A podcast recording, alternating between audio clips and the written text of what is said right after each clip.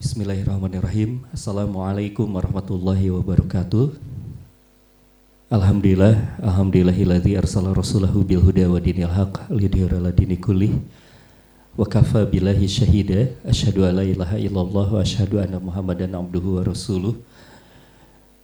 Allahumma salli wa sallim wa barik ala Muhammad wa ala alihi wa sahbihi ajmain amin ya Allah ya rabbal alamin. Semoga Allah Subhanahu wa taala yang mengumpulkan kita malam hari ini memberikan kita kekokohan iman, memberikan kita ilmu yang bermanfaat. Ilmu yang bermanfaat itu adalah berarti ilmu yang bisa menjadi panduan untuk kita beramal. Itu yang paling penting. Karena betapa banyak orang yang mengetahui sesuatu tetapi kemudian pengetahuannya itu tidak berbuah menjadi amal.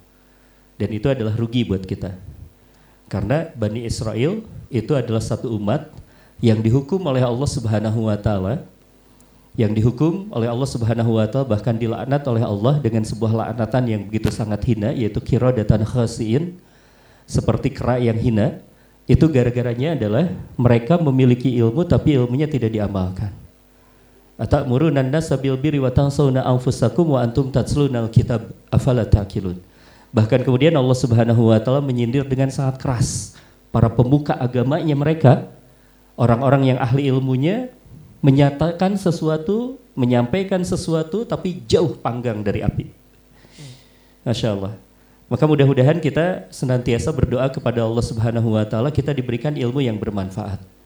Jadi ilmunya itu adalah ilmu yang merubah kita sehingga kita sampai kepada satu gambaran yang digambarkan oleh Allah adalah sibghatullah Allah Subhanahu wa taala mensibgoh seseorang tersebut, merubah orang tersebut. Dari awalnya adalah jahiliyah, lalu kemudian menuju kepada gilang gemilangnya kepribadian Islam, gitu ya. Mudah-mudahan kita termasuk orang-orang yang terus dibimbing oleh Allah Subhanahu wa taala. Salawat dan salam semoga terlimpah curah kepada Nabi kita Muhammad sallallahu alaihi wasallam kepada seluruh keluarganya, kepada seluruh sahabatnya, kepada para tabiin, tabi tabiin dan insyaallah mudah-mudahan untuk kita semuanya umatnya yang ada di akhir zaman. Teman-teman yang dirahmati oleh Allah Subhanahu wa taala, satu rumus dalam kehidupan kita ini memang uh, sudah begitu jelas. Alladzi khalaqal mauta wal hayata liyabluwakum ayyukum ahsanu amala. Allah Subhanahu wa taala sudah sejak hari, sudah sejak jauh hari itu menyampaikan bahwa rumus dari kehidupan itu kita tidak akan dibiarkan dunia ini adalah sebuah panggung di mana kita akan terus diuji oleh Allah Subhanahu wa taala. Karena memang itulah tujuannya dari yang namanya kehidupan diciptakan oleh Allah Subhanahu wa taala. Kematian, kehidupan diciptakan oleh Allah adalah liyabluwakum agar kita diuji oleh Allah Subhanahu wa taala. Dan kalau kita bicara tentang ujian dari Allah Subhanahu wa taala yaitu terserah dari Allah terserah dari Allah saja. Kenapa? Karena Allah adalah Rabbus samawati wal ard. Allah Subhanahu wa taala itu rob dari langit dan rob dari bumi. Dan kalau kita bicara tentang Allah sebagai rob, di situlah kita sampai kepada rububiahnya Allah Subhanahu wa taala. Rububiahnya Allah Subhanahu wa taala itu mengingatkan kita beberapa hal. Yang pertama adalah Allah yang menciptakan. Jadi Allah Subhanahu wa taala yang menciptakan langit dan bumi dan isinya seluruhnya diciptakan oleh Allah Subhanahu wa taala. Lalu kemudian kita pun mengingatkan, diingatkan ketika kita bicara tentang rububiyahnya Allah Subhanahu wa taala, Allah bukan hanya menciptakan tapi Allah memiliki penuh ciptaannya itu. La syarikalah.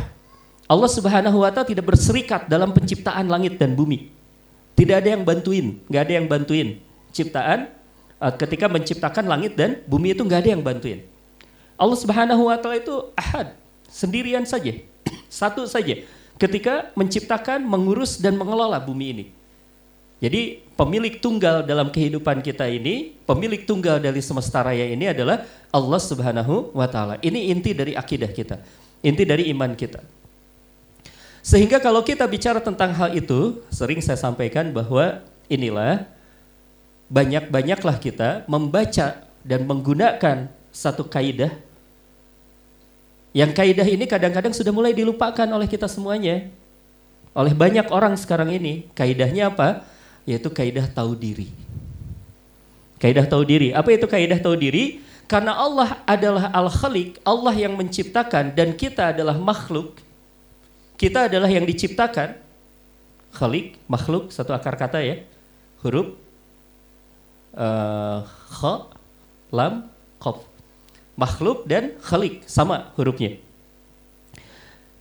Kita ini adalah yang diciptakan oleh Allah Subhanahu wa taala dan Allah Subhanahu wa taala sudah menyampaikan sejak jauh hari bahwa karena aku yang menciptakan, maka aku sudah tetapkan di dalam kehidupan manusia yang aku ciptakan tersebut adalah sebuah garis. Adalah sebuah hal yang pasti dan itu tidak akan mungkin tidak terjadi. Innallaha la yuhliful mi'ad. Sesungguhnya Allah itu tidak pernah mengingkari janjinya. Dan Allah sudah berjanji, tadi ayatnya sudah disampaikan bahwa Allah akan menguji kita. Jadi kalau misalnya kita bicara tentang ujian, ujian itu adalah rumus yang tetap senantiasa dan harus ada dalam kehidupan kita. Kalau bahasanya Buya Hamka, kalau engkau ingin tidak diuji dalam kehidupanmu, nunggu satu hari. Nunggu nanti. Nunggu apa? Mati karena kalau sudah mati, kita tidak akan diuji lagi. Ini adalah akhir dari ujian yang namanya kehidupan dunia. Tapi selama kita ada di kehidupan dunia ini, kita akan terus diuji oleh Allah Subhanahu wa taala. Nah, tetapi kalau kita bicara tentang ujian kita di dunia ini, ada dua jenis orang yang menyikapi ujiannya ini. Yang pertama adalah yang tetap tenang ketika diuji dengan apa pun yang diberikan oleh Allah Subhanahu wa taala. Yang kedua adalah yang gelisah yang kedua yang terjebak pada kekhawatiran demi kekhawatiran ketika menghadapi kehidupannya itu. Ketakutan demi ketakutan ketika menghadapi kehidupannya itu. Teman-teman, kalau misalnya saya tanya dengan pertanyaan sederhana, teman-teman suka baca ini kan ya, baca sirah Nabi? Hatam, hatam? hafal, hafal? Sirah Nabi. kalau misalnya kita bicara tentang sirah Nabi, dari awal sampai akhir kita baca kisahnya Nabi Shallallahu Alaihi Wasallam, sejarahnya Nabi Shallallahu Alaihi Wasallam warnanya itu adalah warna kegembiraan atau warna uh, yang namanya ujian berat teman-teman. Ujian berat semua ya. Dari awal sampai akhir itu ujian berat termasuk juga kalau kita bicara tentang para nabi para nabi itu warnanya semuanya ujian bener ya? Termasuk misalnya nabi yang sering populer tuh. Nabi yang paling populer salah satunya adalah Nabi Yusuf misalnya ya yang ibu-ibu kadang-kadang ketika hamil dulu zaman dulu gitu baca surah Yusuf. Pas ditanya kenapa bu baca surah Yusuf? Jawabannya apa? Biar ganteng. Karena bacanya cuma sepenggal. Padahal Yusuf itu adalah nabi yang diuji oleh Allah Subhanahu wa taala dengan ujian yang sangat berat. Jadi kalau ada seseorang yang membaca surah Yusuf ketika dia sedang mengandung dan ingin kemudian juga anaknya mirip Nabi Yusuf, hati-hati dan harus bersiap-siap. Karena Nabi Yusuf itu adalah ketika masa kecilnya dibenci sama saudara-saudaranya. Kemudian juga dimasukkan ke dalam sumur. Habis itu dijual di pasar budak. Habis itu kemudian juga diangkat di rumah sebuah pejabat. Tapi kemudian juga masuk ke dalam penjara. Jadi hati-hati kalau misalnya bacanya surah Yusuf berarti siap-siap anaknya pertama dimasukin ke dalam kemudian dijual di pasar budak. Habis itu kemudian masuk ke dalam penjara. ujian. Tapi kalau misalnya kita lihat dari ujian yang menimpa para nabi itu, para nabi itu tenang atau gelisah ketika menghadapi ujian-ujiannya itu. Tetap tenang kan? Bahkan kemudian juga tergambarkan di dalam sebuah kalimat, yang kalimat ini menggambarkan sebuah situasi sebenarnya situasi yang sangat mencekam sekali pada saat apa? Pada saat Nabi Muhammad Shallallahu Alaihi Wasallam itu sedang dikejar-kejar di dalam peristiwa hijrahnya Nabi Shallallahu Alaihi Wasallam yang ditemani oleh Abu Bakar As Siddiq. Yang ketika dikejar-kejar itu Abu Bakar As Siddiq sampai, mena sampai menangis khawatir. Kenapa? Karena sebentar lagi itu bisa tertangkap nih Nabi ini bisa tertangkap. Tapi apa yang kemudian disampaikan oleh Nabi Shallallahu Alaihi Wasallam, Nabi hanya mengatakan sebuah kalimat yang kalimat ini adalah menggambarkan tentang kondisinya Nabi Shallallahu Alaihi Wasallam menggambarkan tentang kondisi ruhiyahnya Nabi Shallallahu Alaihi Wasallam. Nabi hanya berkata, la takhaf wa tahzan, innallaha ma'ana. Jangan takut, jangan sedih, sesungguhnya Allah bersama dengan kita. Nah, untuk itu pula kita sekarang itu bisa coba untuk melihat, bercermin dari apa yang terjadi pada ujian-ujian yang menimpa para nabi Atau misalnya ujian yang menimpa para sahabat. Sama, para sahabat juga diuji dengan ujian yang tidak kalah hebatnya. Bilal misalnya dibaringkan di sebuah tempat yang begitu sangat panas lalu kemudian ditimpa dengan batu. Tapi dia tetap tenang jiwanya dengan hanya berkata ahadun ahad, ahadun ahad, ahadun ahad. Yang ini kemudian menjadi sebuah yel. Barangkali mungkin bisa dikatakan semacam itu sederhananya di perang Badar gitu ya. Ahadun ahad, ahadun ahad sehingga mereka kemudian takut tuh orang-orang kafir itu ketika mendengarkan kalimat ahadun ahad ahadun ahad karena kemudian mengingat tentang Bilal. Ya. Lalu kemudian juga kita mengingat apa yang terjadi pada Yasir. Mengingat juga apa yang terjadi pada Sumayyah. Sumayyah itu adalah seorang merupakan syahidah yang pertama. Jadi ketika ada siksaan, puncak siksaan terhadap para aktivis dakwah di zaman itu, terhadap para sahabat di zaman itu, yang justru pertama kali mempersembahkan nyawanya untuk Islam ini adalah seorang perempuan. Namanya adalah Sumayyah dari keluarga Yasir. Sahidah pertama, Masya Allah. Dan mereka tetap tenang dengan itu semuanya. Ini apa yang terjadi dengan ketenangannya mereka ini. Sementara kalau misalnya kita ukur, segala ujian yang menimpa para nabi, ujian yang menimpa para sahabat itu diukur dengan ujian-ujian yang menimpa kita. Kira-kira berat mana ujiannya? Teman-teman pernah dimasukin ke dalam sumur? Belum? Mau dicoba? Pernah masuk ke penjara?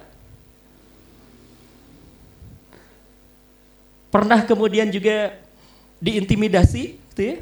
diludahin pas tiap bolak-balik ke masjid diludahin, ada yang ngeludahin kita, ada? Nggak ada kan?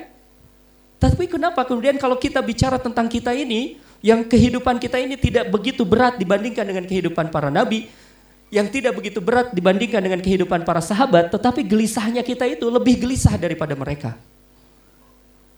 Lebih berat daripada kondisinya mereka. Kenapa ini? Nah, untuk itu kemudian ada sebuah hal yang ini dibahas oleh Ibnu Qayyim yang mudah-mudahan kemudian kita bisa mengambilnya pelajaran ini secara serial karena ini adalah satu hal yang sangat penting sekali Ibnu Qayyim kemudian menyampaikan satu kalimat yang jika kita memahaminya kalimat ini kalimat ini akan mengantarkan siapa pun yang memahaminya akan menjadi pribadi yang tenang, pribadi yang bahagia, pribadi yang bahkan kemudian nanti dengan ketenangan dan kebahagiaannya itu mampu untuk menjadi pribadi-pribadi yang produktif nantinya. Karena buat kita ketenangan itu adalah untuk produktivitas kan. Karena tidak mungkin kita kemudian menjadi orang yang produktif kalau kita belum selesai dengan diri kita sendiri. Gak mungkin kita bicara tentang fungsi kita sebagai seorang khalifah kalau kitanya saja masih gelisah, galau gitu ya. Gak mungkin. Jadi kita harus selesai dengan diri kita sendiri terlebih dahulu. Nah kemudian Ibnu Qayyim maka itu menyampaikan satu kata kuncinya. Satu, satu kata kunci yang berasal dari satu ayat yang dari satu ayat itu kemudian beliau menulis tiga jilid kitab. Dari satu ayat menulis tiga jilid kitab. Masya Allah. Ayatnya yang disampaikan oleh beliau adalah iya karena abudu wa iya karena stain. Itulah sumber ketenangan kita. Itulah sumber yang akan kalau misalnya kita memahami tentang iya karena abudu wa iya karena stain, di situlah kemudian kita akan merasa menjalani kehidupan kita apa pun yang terjadi kita akan merasa tenang. Tiga jilid loh teman-teman. Dari ia karena abudu, wa ia karena stain. Banyak beliau kemudian mengucapkan, uh, menuliskan tentang poin-poinnya. Dan poin malam hari ini yang kita coba untuk pelajari, dari ia karena abudu wa ia karena stain itu ada pintu masuk pintu masuknya.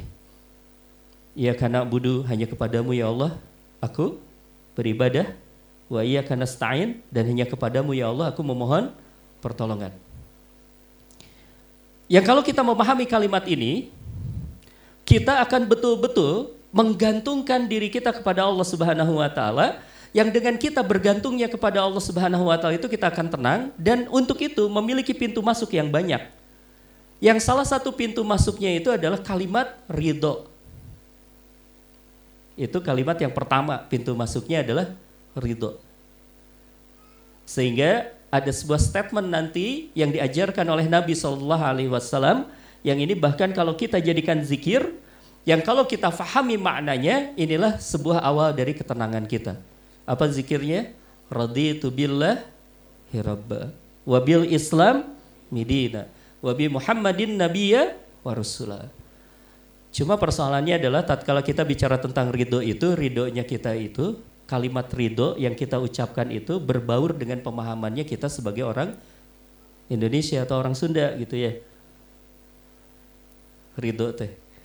Padahal kalau misalnya kita kembalikan kepada pemahaman para ulama berkenaan dengan ridho ini, saya akan coba untuk menyampaikan satu pemahaman dari Ibnu Qayyim yang Ibnu Qayyim itu ketika berbicara tentang ridho itu sampai memuat kurang lebih adalah 53 poin.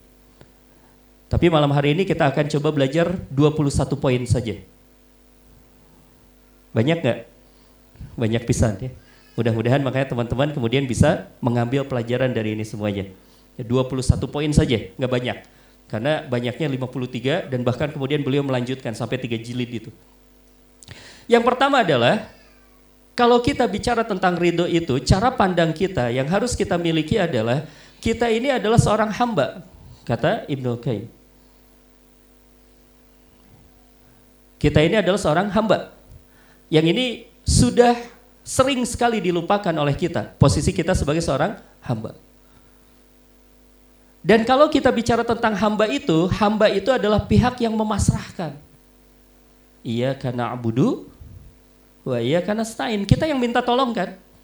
Kita yang minta tolong untuk menghadapi kehidupan yang kita banyak sekali nggak paham tentang kehidupan kita ini.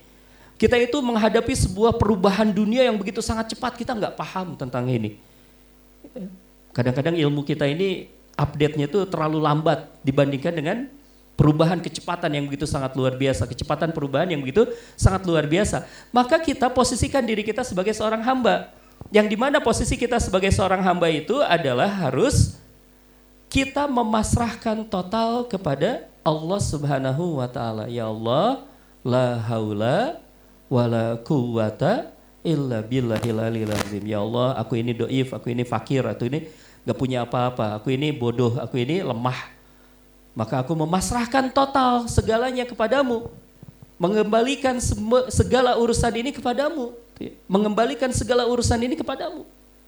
Yang waktu awal-awal kita berjumpa saya menyampaikan bahwa inilah satu kata kuncinya. Kita rubah dari awalnya kita percaya diri, percaya kepada diri kita sendiri, dirubah dengan percayakan diri kita semuanya kepada Allah Subhanahu wa taala. Jangan lagi hidup kita itu adalah kumaha saya, tapi kumaha Allah Kita serahkan kepada Allah, jangan terserah saya lagi, tapi terserah saja Allah Subhanahu wa taala. Terserah Allah, apa pun. Apalagi kalau itu disertai dengan pemahaman kita yang benar tentang Allah Subhanahu wa taala. Bahwa Allah yang kita kenal itu adalah Allah yang memelihara kita dengan penuh kasih sayang. Maka untuk itu di setiap langkah kita kita ingatkan itu. Ketika kita melakukan sesuatu kita memulai dengan ucapan Bismillahirrahmanirrahim. Ngingetin apa tuh? Ngingetin bahwa gerakan kita ini apa pun yang kita lakukan itu jalan kakinya kita, keluarnya kita dari rumah, makan dan minumnya kita, itu semuanya dilindungi oleh Allah Subhanahu wa taala. Itu semuanya adalah kasih sayang dari Allah Subhanahu wa taala. Fahami tentang Allah Subhanahu wa taala, tentang sifat dan asmanya Allah Subhanahu wa taala yang Allah itu sangat mencintai kita. Kalau Allah tidak sangat mencintai kita, bahkan misalnya saya banyak bersyukur dengan sebuah hal ini ya. Kalau saja nih teman-teman, kalau saja Allah Subhanahu wa taala mensyaratkan ketaatan lalu kemudian Allah baru memberikan rizki kepada manusia. Misalnya syarat untuk makan itu Anda harus taat dulu kepada Allah. Syarat untuk minum misalnya Anda harus taat dulu kepada Allah. Kebayang nggak? Kalau Allah mensyaratkan itu, itu pasti di luar sana itu banyak orang yang sudah mati gitu. Kenapa? Banyak orang yang tidak taat kepada Allah Subhanahu wa taala.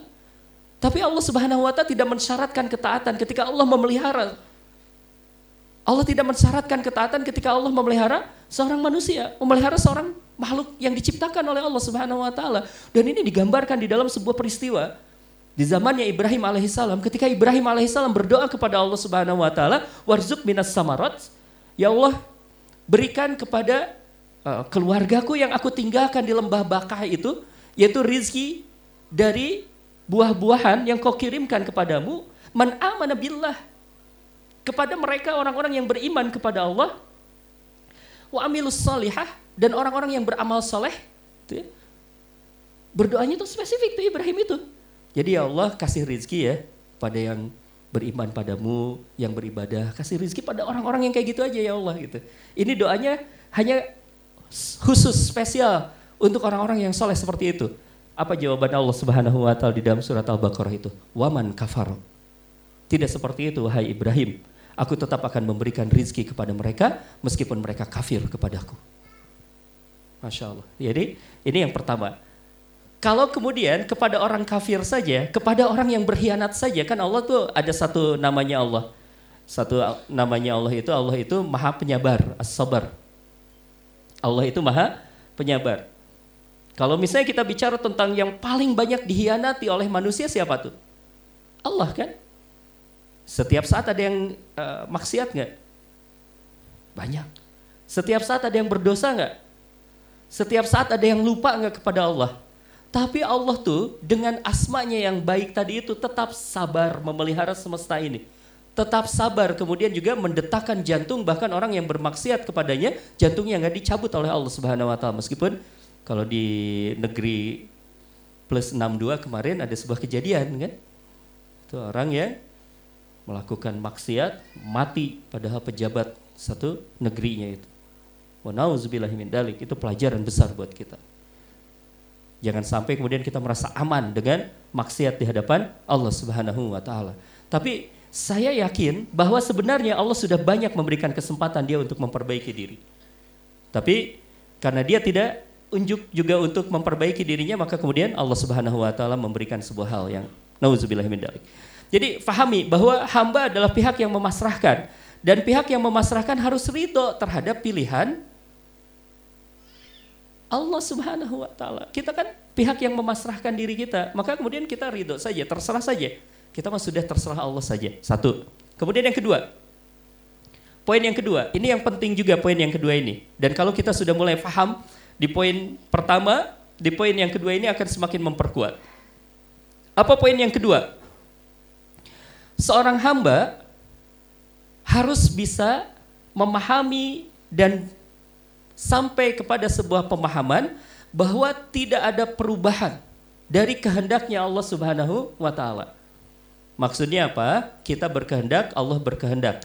Dan yang terjadi adalah siapa? Kehendaknya Allah Subhanahu wa taala. Dan kalau Allah Subhanahu wa taala sudah berkehendak, itu tidak membutuhkan persetujuan kita. Tidak membutuhkan persetujuan kita. Kalau Allah sudah berkehendak terserah Allah saja. Bahkan bukan hanya tidak membutuhkan persetujuan kita, kalau Allah Subhanahu wa taala sudah berkehendak, Allah Subhanahu wa taala tidak membutuhkan yang namanya sarana untuk mewujudkan kehendaknya itu.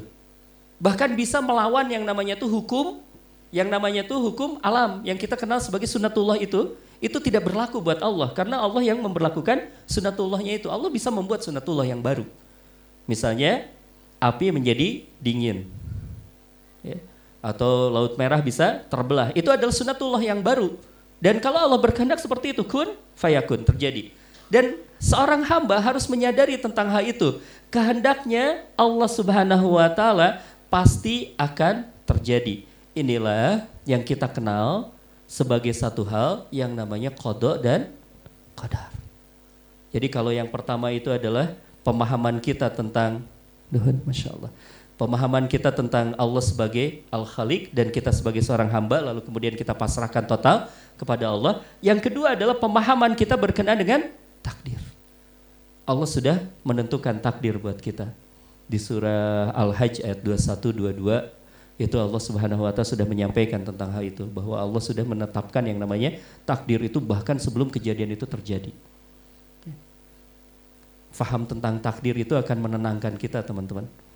Ibnu Jauzi itu menulis buku tentang kodok dan kodar itu sampai sekitar 957 halaman menerangkan tentang takdir saja.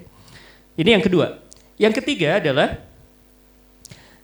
kalau tadi hamba, yang kedua adalah takdir, kita memahami. Yang ketiga adalah karena kita sebagai seorang hamba, yang disebut seorang hamba itu tidak boleh marah atas keputusan tuannya. Kalau tadi marido, yang ini mas sudah tidak boleh marah dan tidak boleh ngeluh. Maka di sini ada kata kunci untuk kita berlatih tentang ridho itu. Bagaimana caranya agar kita bisa masuk ke dalam sebuah ruang yang namanya ridho itu adalah apa pun yang diberikan oleh Allah jangan dikomentari negatif. Apa pun yang diberikan oleh Allah jangan dikomentarin negatif. Karena kan banyak di antara kita ini bahkan kita untuk nahan kita tidak komen saja nggak mampu kita ini. Dikasih udara hujan kita ngomen juga negatif lagi pula ya. Kemudian juga panas kita pun ngomen dan sebagainya ya. Para sahabat dulu di eranya Nabi Shallallahu Alaihi Wasallam di Madinah kalau musim panas itu teman-teman itu luar biasa panasnya. Di Madinah itu bisa 55 derajat kalau musim panas, 55 derajat di Madinah itu. Nah, ada seorang sahabat yang pada saat itu kemudian mengeluh tentang udara yang panas. Tapi sehabis itu apa yang dilakukan oleh seorang sahabat itu? Sahabat itu banyak sekali beristighfar kepada Allah Subhanahu wa taala. Ketika ditanya oleh sahabat yang lain, "Kenapa engkau beristighfar?" Begitu sangat serius, kelihatan sangat ketakutan sekali.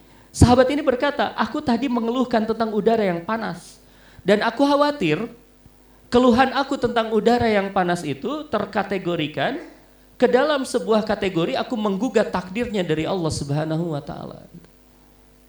Masya Allah. Kan kadang-kadang kita tuh banyak ngeluh banget ya.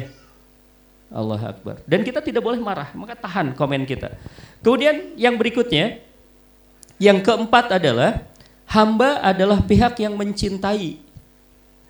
Jadi hamba itu adalah pihak yang mencintai. Sehingga orang yang mencintai secara tulus yang benar dan benar, kalau bahasanya kita adalah bahasa cinta itu, cinta itu ya memang nerima apa adanya kan menerima saja apa yang diberikan. Kalau sudah cinta yang diberikan atau yang mendasarinya, apa pun yang diberikan oleh seorang kekasihnya menjadi indah. Begitu pula kalau kita kemudian juga mendasari bahwa hubungan kita dengan Allah itu adalah hubungan cinta, Ya, cintanya Allah sudah disampaikan kepada kita dengan Ar-Rahman dan Ar-Rahimnya dan kita pun mencintai Allah Subhanahu wa taala dengan ibadah kita yang benar, maka kemudian apa pun yang terjadi dalam kehidupan kita, kita tidak akan pernah mencurigai Allah Subhanahu wa taala. Karena ini adalah pemberian dan hadiah dari seorang kekasih, dari sang kekasih kepada kekasihnya. Gitu ya, Masya Allah. Dan begitu pula balasan dari kekasih kepada orang yang dikasihinya. Itu yang keempat, hamba adalah pihak yang mencintai. Maka kita buktikan cinta kita kepada Allah Subhanahu wa taala. Kemudian yang kelima, ini yang paling penting juga, yaitu seorang hamba itu kata Ibnu Qayyim adalah tidak tahu apa kesudahan dari segala urusan. Yang maha mengetahui segala urusan itu hanyalah Allah Subhanahu wa taala. Yang kadang-kadang kita kemudian menginginkan sesuatu yang ujungnya itu bahkan bisa mencelakakan kita. Misalnya ya, saya tahu pernah cerita di tengah-tengah teman-teman nggak? Ada seorang sahabat yang namanya Saad bin Abi Waqqas ya. Pernah ya?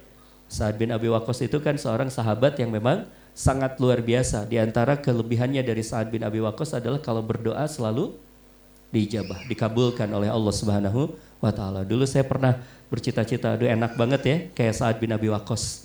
Tapi habis itu saya istighfar banyak-banyak. Kenapa? Karena tidak semua keinginan saya itu terdidik tidak semua keinginan saya itu baik untuk saya. Maka keinginan saya itu harusnya dididik dengan cara apa? Kembalikan kepada keinginannya Allah Subhanahu wa taala saja. Itu ya. Baik, itu hamba tidak tahu apa kesudahan dari segala urusan. Dan Allah yang lebih tahu tentang kemaslahatan dan tentang kebermanfaatan buat kita. Kemudian yang berikutnya adalah yang keenam, pintu masuk dari ridho itu adalah kita ini adalah bodoh. Ini negatif nggak? Kalau misalnya kalimat kita mengatakan kita ini bodoh, ini negatif nggak? Menurut teman-teman?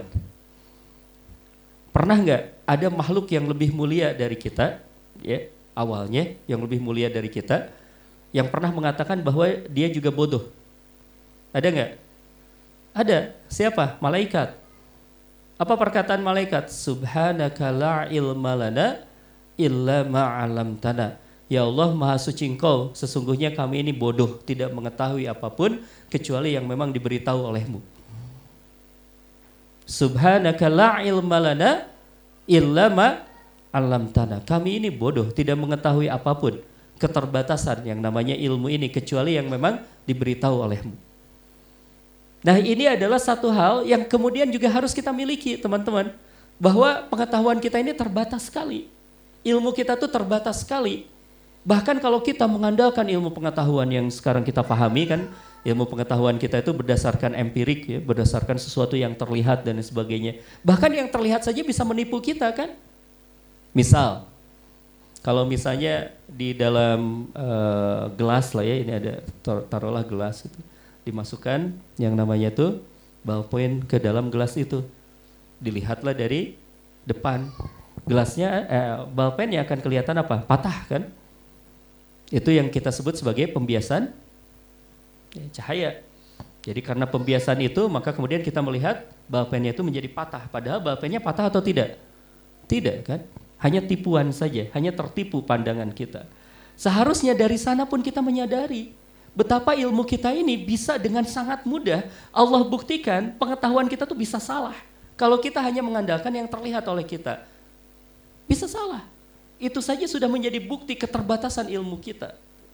Seharusnya kalau kita bicara pembiasan, belajar fisika dengan iman itu. Jadi belajar fisikanya bukan hanya belajar fisika tapi belajar fisika dengan iman karena ikro itu harus ikro bismi rabbikal ladzi khalaq. Jangan hanya ikro saja, jangan hanya nuntut ilmu saja, tapi sampaikan kepada Allah.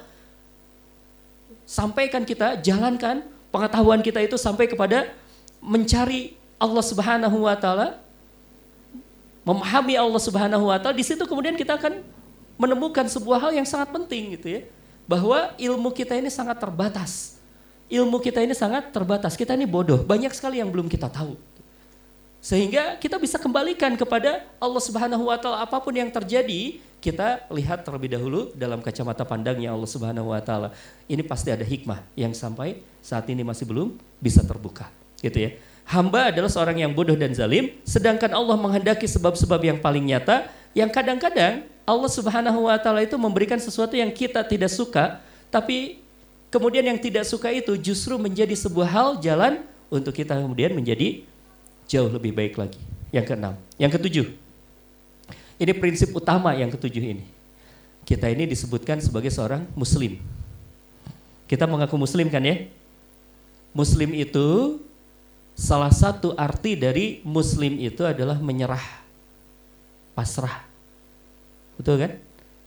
Muslim itu asal katanya itu atau kalau kembali ke dalam bahasanya itu adalah pasrah menyerah. Kita sebagai muslim. Dan kalau kita bicara tentang ini semuanya, jadi orang yang sudah mengaku muslim itu seharusnya adalah orang yang menyerahkan segala urusannya, segala urusan dirinya itu hanya kepada Allah Subhanahu wa taala. Jadi tidaklah disebut orang yang muslim, tidaklah kita diakui sebagai seorang muslim kalau kita hanya dan masih belum menyerahkan urusan kita kepada Allah Subhanahu wa taala. Ada lawan kata dari muslim, teman-teman. Lawan kata dari muslim apa? Ah, ada makhluk yang kemudian dilaknat oleh Allah Subhanahu wa taala. Makhluk yang dilaknat oleh Allah yang dulunya tuh satu level dengan malaikat. Apa tuh makhluknya? Iblis. Iblis itu asal katanya dari apa? Ablasa. Ablasa itu artinya apa? Pembangkang. Ablasa itu adalah pembangkang. Jadi lawannya muslim itu ablasa sebenarnya. Lawannya muslim itu adalah iblis. Jadi kalau misalnya kita termasuk orang yang masih sering membangkang takdir dari Allah, sering kemudian menggugat takdir dari Allah, sering menggugat yang namanya ketetapan dan aturan-aturan dari Allah, maka kemudian kita termasuk iblis. Termasuk orang yang punya sifat dari iblis itu. Sifat pembangkangan kepada Allah Subhanahu wa taala. Itu yang ketujuh. Jadi karena kita menyebutkan diri kita sebagai seorang muslim, maka ya konsekuensinya adalah kita serahkan semuanya kepada Allah Subhanahu wa taala. Yang kedelapan adalah seorang hamba yang mengetahui robnya, ada kata kunci itu, mengetahui robnya. Berarti ada PR besar yang lainnya. Nanti pelan-pelan lah kita kemudian juga coba untuk uh, melengkapi ilmu kita. Ya orang yang mengetahui Robnya, mengilmui Allah. Fa'lam annahu la ilaha illa ana kata Allah Subhanahu wa taala mengilmui tentang Allah, faham tentang Asmaul Husna, faham tentang sifatnya Allah dan lain sebagainya, dia akan menyadari dan dia akan sampai kepada sebuah posisi yang namanya posisi senantiasa berbaik sangka kepada Allah. Senantiasa berbaik sangka. Ini yang penting sekali bahwa Allah itu tidak pernah kemudian juga menginginkan kehancuran bagi kita itu. Allah Subhanahu wa taala itu tidak pernah kemudian juga memberikan satu beban yang beban itu adalah sesuatu yang akan menghancurkan kita. Pasti bebannya itu adalah beban pendidikan saja gitu. Teman-teman yang sudah punya anak, anak kecil misalnya kan. Kemudian kita latih agar kuat anak kita itu. Kan kita memberikan cobaan-cobaan untuk anak kita. Ayo lari 50 meter, lari 100 meter gitu. Tapi kan cobaannya itu pasti cobaan yang terukur kan. Gak mungkin kita kemudian menyuruh anak kita lari sampai mati gitu. Ya?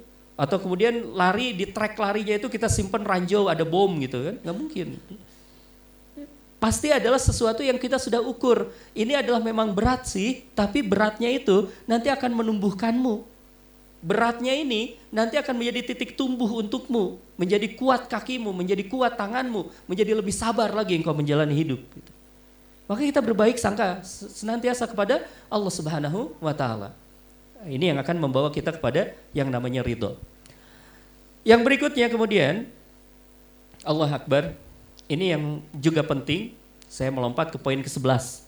Poin ke-11 itu adalah disampaikan oleh Ibnu Qayyim bahwa kesempurnaan penghambaan seorang kan kita berkata iya karena abudu wa iya karena stain kesempurnaan penghambaan seseorang itu justru akan tampak ketika ada ketetapan yang dia tidak suka. Penghambaan itu akan terukur ketika Allah Subhanahu wa taala menguji orang tersebut dengan sesuatu yang dia tidak suka. Misal ya, sahabat dan Rasulullah Shallallahu alaihi wasallam itu mencintai perang nggak teman-teman? Senang perang nggak? Enggak kan? Korhu, sesuatu yang dibenci oleh Rasul, oleh para sahabat itu sebenarnya kalau misalnya optionnya adalah nggak ada perang, maka itu yang akan diambil oleh Rasulullah dan para sahabat. Sesuatu yang dibenci. Tapi ketika ada ketetapan perang di ketika ada ketetapan perang, ketika ada perintah perang dari Allah yang disampaikan oleh Rasulullah Shallallahu Alaihi Wasallam, di situlah kemudian juga teruji siapa yang benar-benar mencintai Allah, siapa yang takut untuk kemudian berkorban untuk Allah gitu. Di situ kata kuncinya, siapa yang kemudian ringan untuk pergi membuktikan cintanya kepada Allah Subhanahu wa taala, ada juga orang yang ternyata dia masih mencintai dirinya sendiri, masih mencintai hartanya dan kemudian dia tidak pergi untuk itu semuanya. Kita bisa mengambil sebuah pelajaran dari yang namanya perang Uhud. Perang Uhud itu seribu sahabat pergi, lalu kemudian 250 orang membelot. Yeah. 250 orang di perjalanan balik lagi itu. Gara-garanya apa? Takut mati. Masya Allah. Pada saat itulah yang kemudian Allah Subhanahu wa taala akan membuktikan menseleksi orang. Siapa yang benar-benar mencintai Allah maka akan terlihat ketika kemudian Allah Subhanahu wa taala timpakan sesuatu yang dia tidak suka. Sesuatu yang dia tidak suka dan di sinilah ujian seorang hamba yang sebenarnya. Yang berikutnya lagi adalah ini yang penting lagi. Kalau tadi kita sudah sampai bahwa kesempurnaan ubudiah itu justru tampak ketika ada ketetapan hukum yang dia benci. Hukum yang dia benci ya. Tapi kita tetap melakukannya. Perang tadi kita benci itu. Ya. Ke bahasan jihad itu dibenci di kalangan para laki-laki teman-teman. Bahasan jihad itu. Dan level bencinya orang atau malasnya orang bahas jihad itu kalau di perempuan itu satu level dengan bahas poligami. Sama bahas poligami kalau di ibu-ibu sensitif, bahas jihad di bapak-bapak sensitif. Gitu ya. Sama-sama tidak disuka. Gitu. Nah, tetapi yang paling penting lagi adalah kita masuk ke poin berikutnya yang kata Ibnu Qayyim, kalau kita bicara tentang ridho itu, bahwa ridho kita terhadap Allah, apa pun ketetapan dari Allah Subhanahu wa taala, berbagai keadaan, berbagai ketaatan kita, kita ridho kepada Allah Subhanahu wa taala itu akan membuahkan keriduan Allah kepadanya. Ridhonya kita kepada Allah akan membuahkan ridhonya Allah kepada kita. Yang kata beliau, kata Ibnu Qayyim, disampaikan satu hal, jika seseorang ridho kepada Allah atas rizki yang sedikit, maka kemudian Allah akan ridho atas amal yang sedikit. Kita ridho nih dikasih lagi sempit misalnya, ya, lagi banyak persoalan, kita kemudian sama Allah ditahan sedikit rezekinya.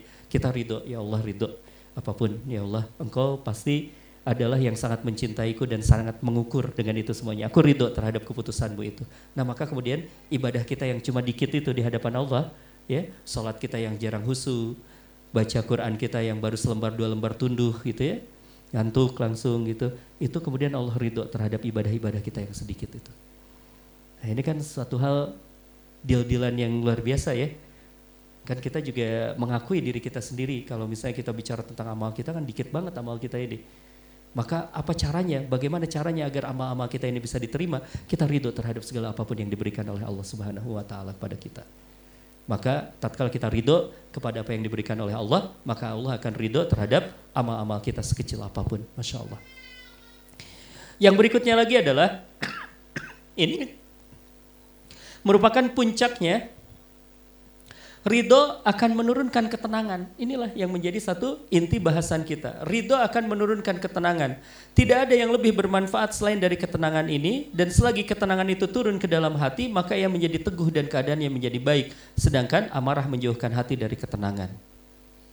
Teman-teman, kalau kita bicara tentang datangnya pertolongan Allah Subhanahu wa taala di perang Uhud, kan di perang Uhud itu eh, di perang Badar maaf di perang Badar itu pasukan Islam pada saat itu dicekam dengan sebuah masya Allah ya. Kondisinya itu kan tidak ideal. Pasukan Islam pada saat itu hanya berapa jumlahnya? 313 orang saja. Sementara mereka adalah seribu orang yang bersenjata lengkap. Ada kekhawatiran yang itu sangat luar biasa.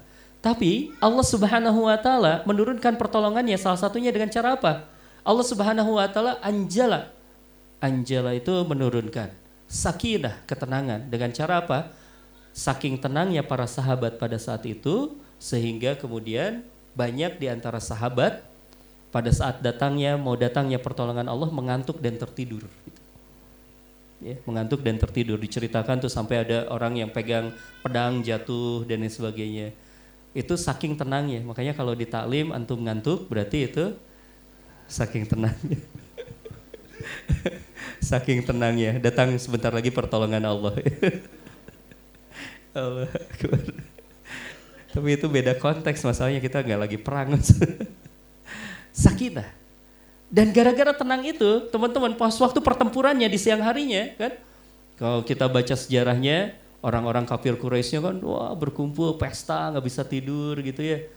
Pas siang harinya, pasukan umat Islam sudah sangat tenang dan akhirnya datanglah pertolongan Allah Subhanahu wa taala. Terakhir uh, saya ingin lompat kepada poin ke-21 yaitu ridho akan membuat kita tidak putus asa. Kenapa? Karena sesuatu yang tidak bisa didapatkan itu adalah sesuatu yang ada di dalam sebuah garis-garis takdir dari Allah. Jadi pemahaman tentang takdir itu justru yang akan membuat kita bahagia dan kita karena sudah ridho kepada Allah ya terserah saja bagaimana Allah Subhanahu wa taala. Nah, ini adalah kebaikan dari iman itu. Jadi apa pun yang diberikan oleh Allah Subhanahu wa taala akan kita terima dengan baik. Uh, untuk mengunci sebuah pemahaman kita, saya mengutip sebuah kisah yang diceritakan oleh Ibnu Taimiyah di dalam salah satu kitabnya. Jadi Ibnu Taimiyah juga sering cerita, teman-teman ceritanya kata Ibnu Taimiyah di sebuah kerajaan ada seorang raja yang memiliki seorang sahabat yang sahabatnya itu punya sesuatu yang sangat khas. Apa kekhasan dari sahabatnya ini? Sahabatnya ini memiliki kebiasaan. Jadi kalau ada apa-apa itu dia selalu bilang apa pun yang terjadi ini yang terbaik. Pernah dengar kisah ini? Jadi Ibnu Taimiyah bertutur seperti itu. Jadi di sebuah kerajaan kata beliau ada sahabat rajanya ini yang unik. Dan karena memang sudah terbiasa, jadi apa pun itu disikapi langsung spontan. Dengan kalimat itu, apa pun yang terjadi, ini yang terbaik. Misalnya ada dia lagi bawa makanan, makanannya jatuh. Dia langsung berkata, apa pun yang terjadi, ini yang terbaik. Ya. Nah, raja dan sahabatnya ini punya sebuah hobi. Hobinya itu adalah pergi berburu. Pergi ke hutan berburu. Satu saat kemudian pergilah dia ditemani oleh para prajuritnya itu. Ada pengawalnya pergilah untuk berburu. Di tengah hutan, raja dan sahabatnya ini menemukan ada seekor rusa. Raja sudah membidik dari depannya, sahabatnya ini membidik dari belakang. Mengokang senjatanya. Ketika sahabatnya mengokang senjatanya ini, tiba-tiba ada binatang yang lain yang lompat ke arah dia. Jadi ada kelinci lompat. Dan saking kagetnya itu, karena ada kelinci yang lompat itu, dia kaget. Responnya spontan. Dia menarik pelatuknya itu. Dan gara-gara kaget itu, arah pelatuk, arah pelurunya itu, yang dulunya itu diarahkan kepada rusa itu berbelok ternyata. Berbeloknya ke mana? Ke arah raja. Dan benar kena ke kelingkingnya raja sampai kelingkingnya tuh putus. Lalu raja tuh teriak-teriak, ini bagaimana nih kelingkingku putus. Gara-gara ditembak oleh saudaraku itu. Sampai dia marah-marah dan dia berkata kepada saudaranya itu, sini kamu. Gara-gara kamu nih lihat nih, kelingkingku putus, kata dia. Dan karena saudaranya ini atau sahabatnya ini punya sebuah kebiasaan tadi, jadi pas mengetahui hal yang semacam itu, spontanlah kalimat yang keluar dari mulutnya. Apa yang keluar? Apa pun, apa pun yang terjadi wahai raja, ini yang terbaik. Kira-kira raja berhenti nggak marahnya dengan kalimat itu? Hah? Makin marah rajanya. Kata rajanya, apa kamu ini terbaik, terbaik, lihat tuh. Kelingking saya putus gara-gara kamu ceroboh nembak gitu. Bagaimana dalam sejarahnya ada raja yang tidak punya kelingking gitu. Masya Allah. Sampai dia marah-marah seperti itu dan dimarah-marahin seperti itu komentar dari temannya ini tetap dengan komentar yang sama tadi itu. Apa kata temannya itu? Apa pun yang terjadi raja, ini yang terbaik. Akhirnya rajanya makin marah. Dia berkata, pengawal tangkap orang ini, pukuli. Kalau perlu pukuli sampai pingsan terlebih dahulu dan masukkan ke dalam penjara bawah tanah. Ketika mendengarkan vonis itu, apa yang disampaikan oleh sahabat raja ini? Sahabat raja ini berkata lagi, apa pun yang terjadi, ini yang terbaik. Benar dipukuli, sampai pingsan. Pas dia bangun dari pingsannya itu, kalimat yang keluar dari mulutnya apa? Apa pun yang terjadi, ini yang terbaik. Akhirnya diseret tuh, raja makin kesel, diseret, dimasukin ke penjara bawah tanah, ditutup pintunya, langsung kemudian raja yang berkata, kamu rasakan itu, hukuman yang akan kamu terima seumur hidup kamu akan membusuk di dalam penjara bawah tanah itu. Ternyata terdengar dari balik penjaranya itu sebuah kalimat lagi. Apa kalimatnya? Apa pun yang terjadi, ini yang terbaik. Sudah ditinggalin saja sama raja. Ceritanya belum selesai. Raja karena memang hobi setelah sembuh lalu dia pergi lagi ke hutan untuk pergi berburu. Kali ini tidak ditemani oleh temannya itu. Dan karena tidak ditemani oleh temannya, dia nyasar ke satu tempat. Ke sebuah tempat hutannya itu yang dikuasai oleh para kanibal. Tahu kan kanibal ya? Kanibal itu apa? Yang suka makan daging bangkai. Mirip-mirip tukang gibah. Tukang gibah apa? Makan bangkai saudaranya. Jadi kalau misalnya ada di antara kita yang masih hobi gibah, berarti kanibal gitu. Uh, mirip-mirip Sumanto lah zaman dulu. nah, itu ditangkaplah sama kanibal itu. Seluruh rombongan dari kerajaan itu ditangkap. Kanibal itu pesta. Waduh, ini nih makanan gurih dari kerajaan sebelah. Akhirnya salah satu eh, satu-satu demi satu kemudian dimakan, ada yang disembeli ya. Kemudian dimakan lah ya, ada yang dibikin rendang meren gitu ya. Nggak tahu lah, pokoknya dimakan gitu ya. Nah, terakhir adalah tinggal raja, kan biasa ya. Ternyata kebiasaan kanibal sama dengan mirip dengan kita. Karena kita kalau makan bakso juga biasanya di tinggalin bakso yang paling gede. Habis itu jatuh bakso paling gedenya dimakan sama kucing. Nyesal pisan nah itu disisain rajanya itu. Wah rajanya udah wah galau aja. Sedih aja. Kata raja tuh waduh gimana nih? Tercatat dalam sejarah kerajaan kami bahwa raja mati dimakan oleh orang kanibal itu. Wah dia udah gelisah. Dikeluarkan si raja itu dan ketika dikeluarkan itu uh, sebelum dimakan ternyata ada ritual dulu yang dilakukan oleh kanibal. Kanibal itu melakukan ritual ternyata sebelum dimakan itu harus dipersembahkan dulu ke dalam uh, sebuah altar gitu di atas altar dan itu untuk dipersembahkannya itu ke dewanya. Dan seperti halnya yang namanya sembahan-sembahan kepada para dewa, itu biasanya ada syarat dan ketentuan yang berlaku. Gitu ya. Syarat dan ketentuan yang berlakunya itu adalah tidak boleh cacat. Dan akhirnya diperiksalah oleh dukunnya itu. Dukunnya bertindak sebagai quality control kan biasa dilihat gitu. QC kan berapa Celsius gitu ya itu mah kopi. Diukur segala macam gitu. Tapi kemudian si dukunnya ini menemukan waduh kepala suku ini barang ini kayaknya nggak nggak bagus dan nggak pas untuk dipersembahkan kepada dewa. Kenapa? Nggak punya kelingking. Ini nggak layak untuk disembahkan kepada dewa kalau dalam barang mah apa namanya tuh reject gitu. ini barangnya reject gitu harus diretur, balikin lagi. balikin lagi aja lah ke kerajaannya lah, bebasin aja lah, lepasin aja, nggak layak kita makan barang reject seperti ini. Masya Allah. Nah, pas dapat vonis yang seperti itu, raja itu langsung teringat dengan sahabatnya.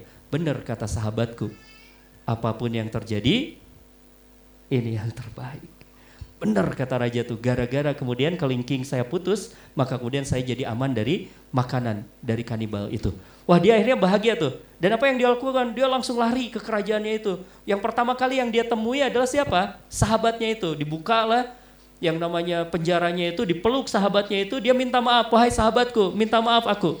Gara-gara aku tidak mampu untuk mengambil hikmah, engkau dimasukkan ke dalam penjara. Dia cerita tentang bagaimana kemudian seluruh uh, pasukannya itu dimakan oleh para kanibal itu.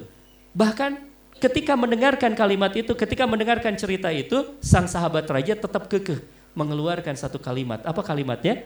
Apa pun yang terjadi, ini yang terbaik. Rajanya makin heran, kenapa kamu itu? Kamu sudah dihukum bertahun-tahun loh. Dimasukkan ke dalam penjara bertahun-tahun, tapi kamu masuk berkata, apa pun yang terjadi, ini yang terbaik.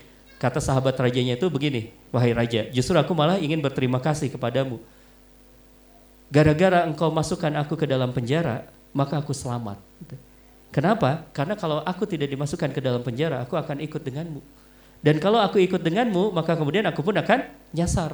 Dan kalau aku nyasar, lihat aku. Aku ini tidak punya cacat sama sekali. Maka kemudian aku akan dimakan oleh kanibal itu. Akhirnya dua-duanya ngangkat jarinya seperti ini. Apa pun yang terjadi, ini yang terbaik. Dua-duanya berkata apa pun yang terjadi ini yang terbaik. Nah, teman-teman itu adalah pemahaman dari yang namanya uh, ridho tadi itu. Apa pun yang terjadi ini yang terbaik. Allah sudah mengukur. Allah sudah mengukur dengan yang terbaik buat kita. Makanya Syekh Abdurrahman Asadi ketika menerangkan Alhamdulillah itu, kata beliau siapa pun yang sudah memahami kalimat Alhamdulillah, maka dia akan berprasangka baik senantiasa kepada Allah. Allah tidak pernah memberikan sesuatu apa pun yang kemudian Allah tidak mengukur dengan cintanya kepada manusia. Gitu ya. Jadi teman-teman malam hari ini biar kita kemudian juga punya oleh-oleh yang kuat ya ke rumah kita silahkan angkat tangannya seperti ini. ini mau oleh-oleh nih, boleh ikutin tangan saya seperti ini. Nah ini katakan seperti ini apa pun yang terjadi ini yang terbaik. Jadi kalau misalnya nanti teman-teman ya apa tuh pas pulang ada sebuah peristiwa langsung katakan apa pun yang terjadi ini yang terbaik. Misalnya nanti di tempat aktivitas kita ada sesuatu yang tidak menyenangkan kita, kita katakan apa pun yang terjadi ini yang terbaik. Masya Allah.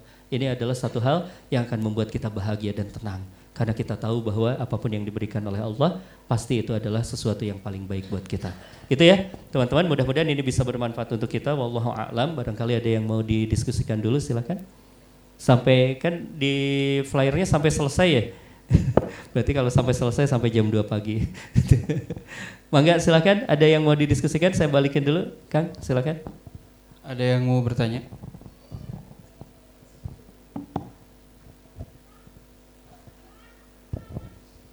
Assalamualaikum warahmatullahi wabarakatuh, Ustaz. Sebentar ya, lihat contekan dulu Ustaz, sebentar. Enggak pendek kok Kang.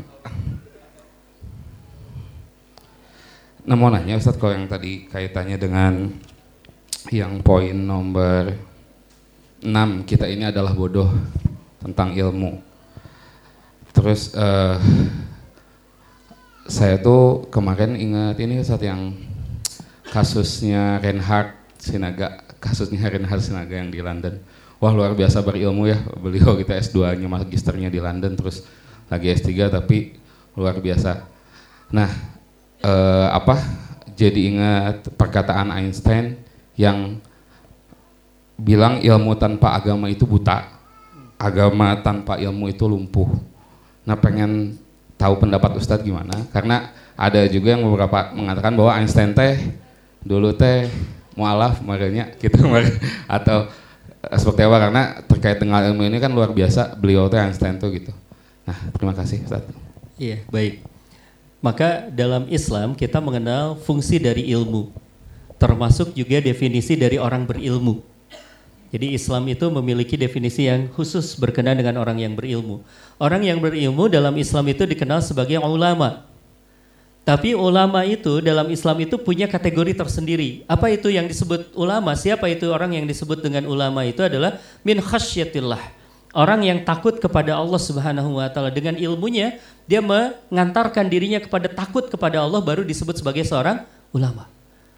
Jadi kalau dengan ilmunya itu tidak sampai kepada Allah Subhanahu wa taala maka dia tidak disebut berilmu di dalam terminologi Islam.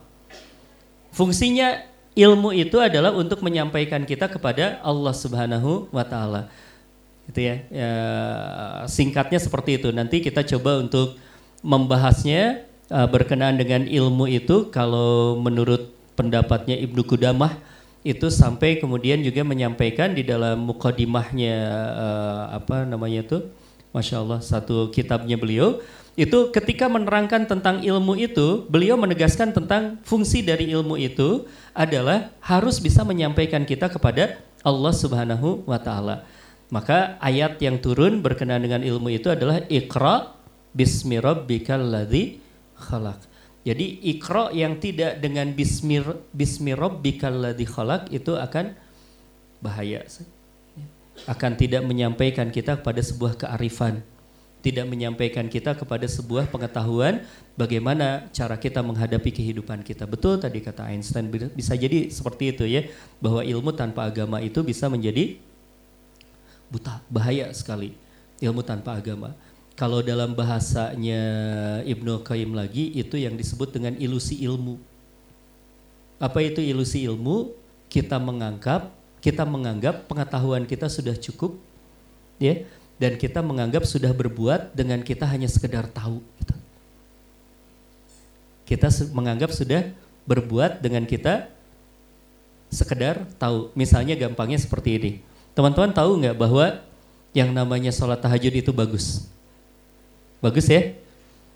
Do'bun salihin. Kebiasaan orang-orang soleh. Jadi kalau misalnya kita biasa melakukan sholat tahajud, itu pun sekaligus sebuah bukti bahwa kesolehan itu terukur teman-teman. Kan selama ini kita berkata soleh mah nggak bisa diukur. Benar ya? Padahal bisa diukur. Salah satunya adalah antum jungkir balik bilang antum sudah soleh. Kalau tidak tahajud, maka antum tidak termasuk orang soleh. Karena di dalam di dalam hadisnya jelas dokbun solihin. Kebiasaan orang soleh. Jadi siapa pun yang melakukan kebiasaan itu termasuk golongan orang soleh. Dan siapa pun yang tidak melakukan itu maka belum soleh. maka belum soleh. Nah, kita sampaikan pengetahuannya seperti itu. Tapi sekarang pertanyaannya adalah kita melakukan tiap malam nggak? Nah, itulah yang namanya ilusi ilmu kita sudah merasa tahu dan kita mencukupkan diri dengan pengetahuan, tapi padahal pengetahuan itu sebenarnya belum cukup. Pengetahuan itu akan menjadi satu hal yang akan menjadi berbunyi, bermanfaat untuk kita, tatkala pengetahuan itu berubah menjadi amal, amal itu nantinya akan berubah menjadi karakter buat kita. Gitu ya. Kurang lebih seperti itulah kalau kita bicara tentang ilmu secara singkatnya. Wallahu a'lam. Mangga silakan.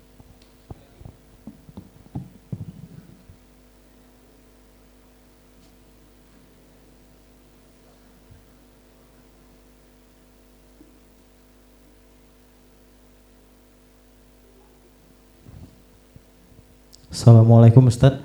Uh, izin bertanya tapi mungkin nggak ada sangkut pautnya sama permasalahan ilmu Ustaz. Cuman uh, masih ada benang merahnya sama tema kali ini masalah ketenangan Ustaz. Jadi uh, beberapa tahun lalu itu uh, saya terlibat di forum diskusi ateis dan saya pun waktu itu sudah mengakui gitu, Ustadz kalau misalnya saya ateis gitu dan ikut mempromosikan gitu ya Ustadz ya. Uh, dan setelah itu mulai belajar agama karena rasa takut. Uh, cuman ke sini-sini banyak teman-teman dan uh, guru-guru juga yang nyaranin, eh bukan nyaranin, malah menganjurkan ya Ustadz ya untuk uh, syahadat ulang gitu Ustadz.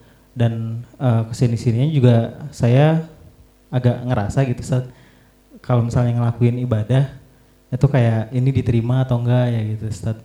Jadi uh, hilang ketenangan dan khusyuknya jadi berkurang juga Ustadz. Uh, minta tanggapannya Ustadz.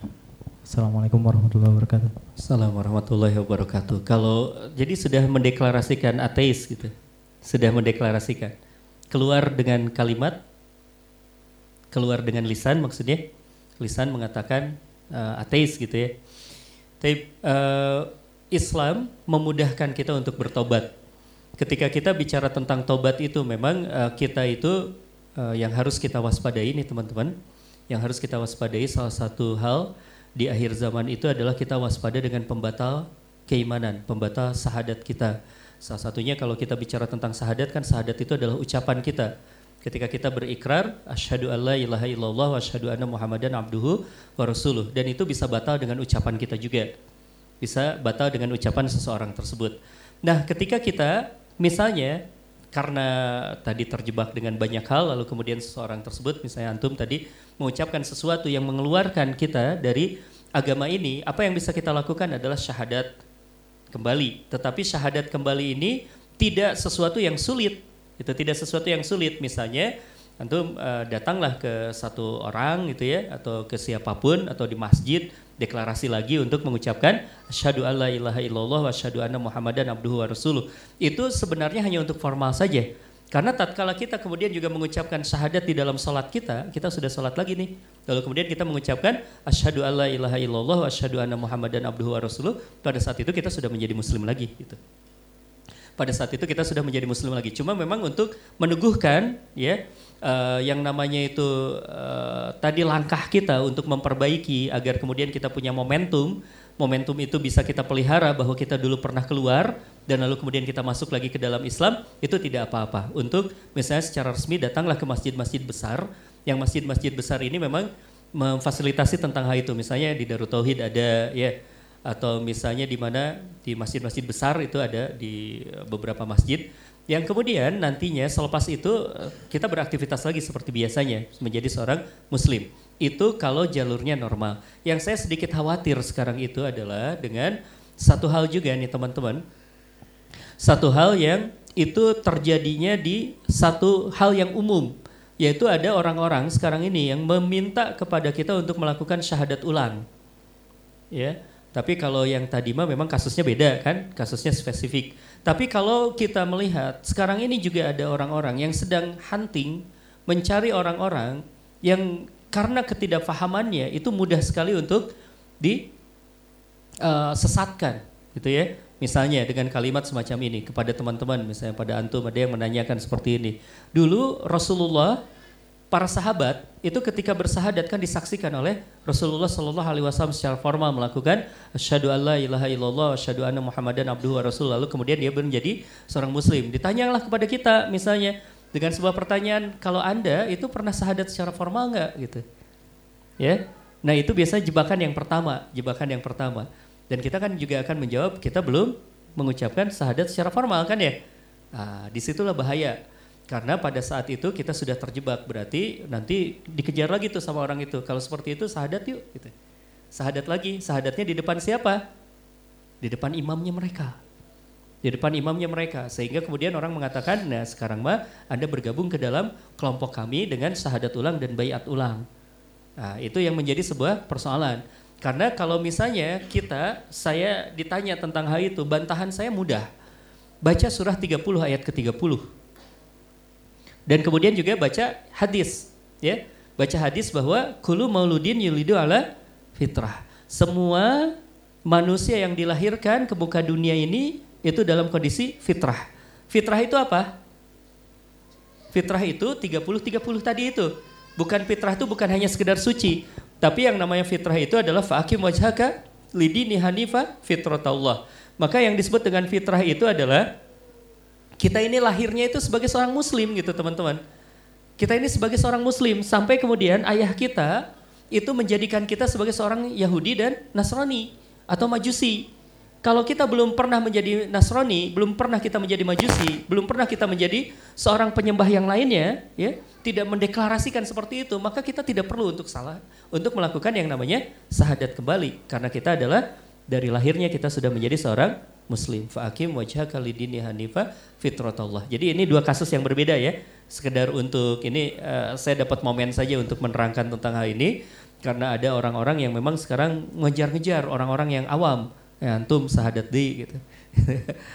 Dan setelah itu kemudian mereka biasanya akan membawa kita kepada sebuah gerakan yang eksklusif berbeda dengan gerakannya kita gitu berbeda dengan dakwah secara keseluruhannya karena pada saat itulah kalau kita kemudian mengatakan kalau seseorang tersebut mengatakan antum harus sahadat ulang maka pada saat itulah kemudian dia sedang mengatakan bahwa sebelum antum mengadakan mengatakan sahadat ulang maka antum kafir di situ berbahayanya. Begitu ya teman-teman ya. Ini dua persoalan yang berbeda tapi ini adalah satu hal ya buat pengetahuan kita saja karena di Bandung sekarang lagi ramai lagi ya.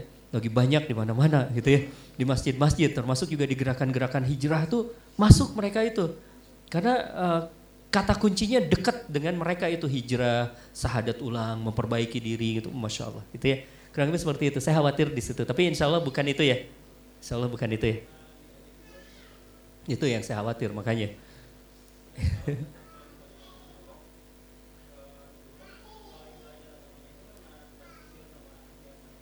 hmm.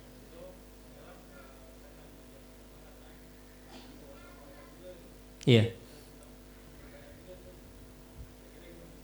Iya, sudah sempat bayat.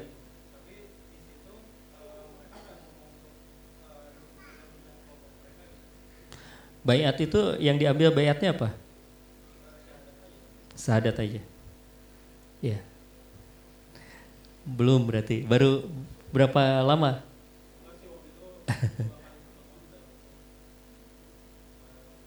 Enggak ikut lagi, ya nggak apa-apa lah ya. Nanti kita ngobrol banyak. Tapi intinya adalah teman-teman berhati-hati dengan ini semua. Makanya tadi saya tangkap ada sedikit sesuatu yang memang harus kita luruskan ya berkenaan dengan hal ini. Kalau teman-teman yang sudah lahirnya dari dulu menjadi muslim nggak perlu sahadat lagi. Kita berulang-ulang melakukan sahadat di dalam sholat kita ya. Karena kalau kita bicara tadi tentang bayat itu nanti kita bicara tentang bahasan yang lebih lanjut lagi lah. Kita bahas satu kitab namanya Al-Ahkam Al-Sultaniyah atau Al-Khilafah Al-Mulk gitu ya. Itu nanti kita bicara tentang hal itu. Di sana ada sebuah uh, hal yang sangat penting bahwa kalau kita berbayat itu kepada seorang imam dan mekanisme pemilihan seorang imam itu ada mekanismenya. Gitu. Ada mekanismenya, tidak sembarangan kemudian orang mengaku imam. Apalagi sekarang mah lagi rame gitu ya. Bukan hanya imam, ngedirin kerajaan aja di kita mah boleh. Gitu. Nanti kita bikin kerajaan ubur-ubur lagi. Wallahu a'lam. Subhanaka Allahumma wa bihamdika asyhadu an la ilaha illa anta astaghfiruka wa atubu ilaik.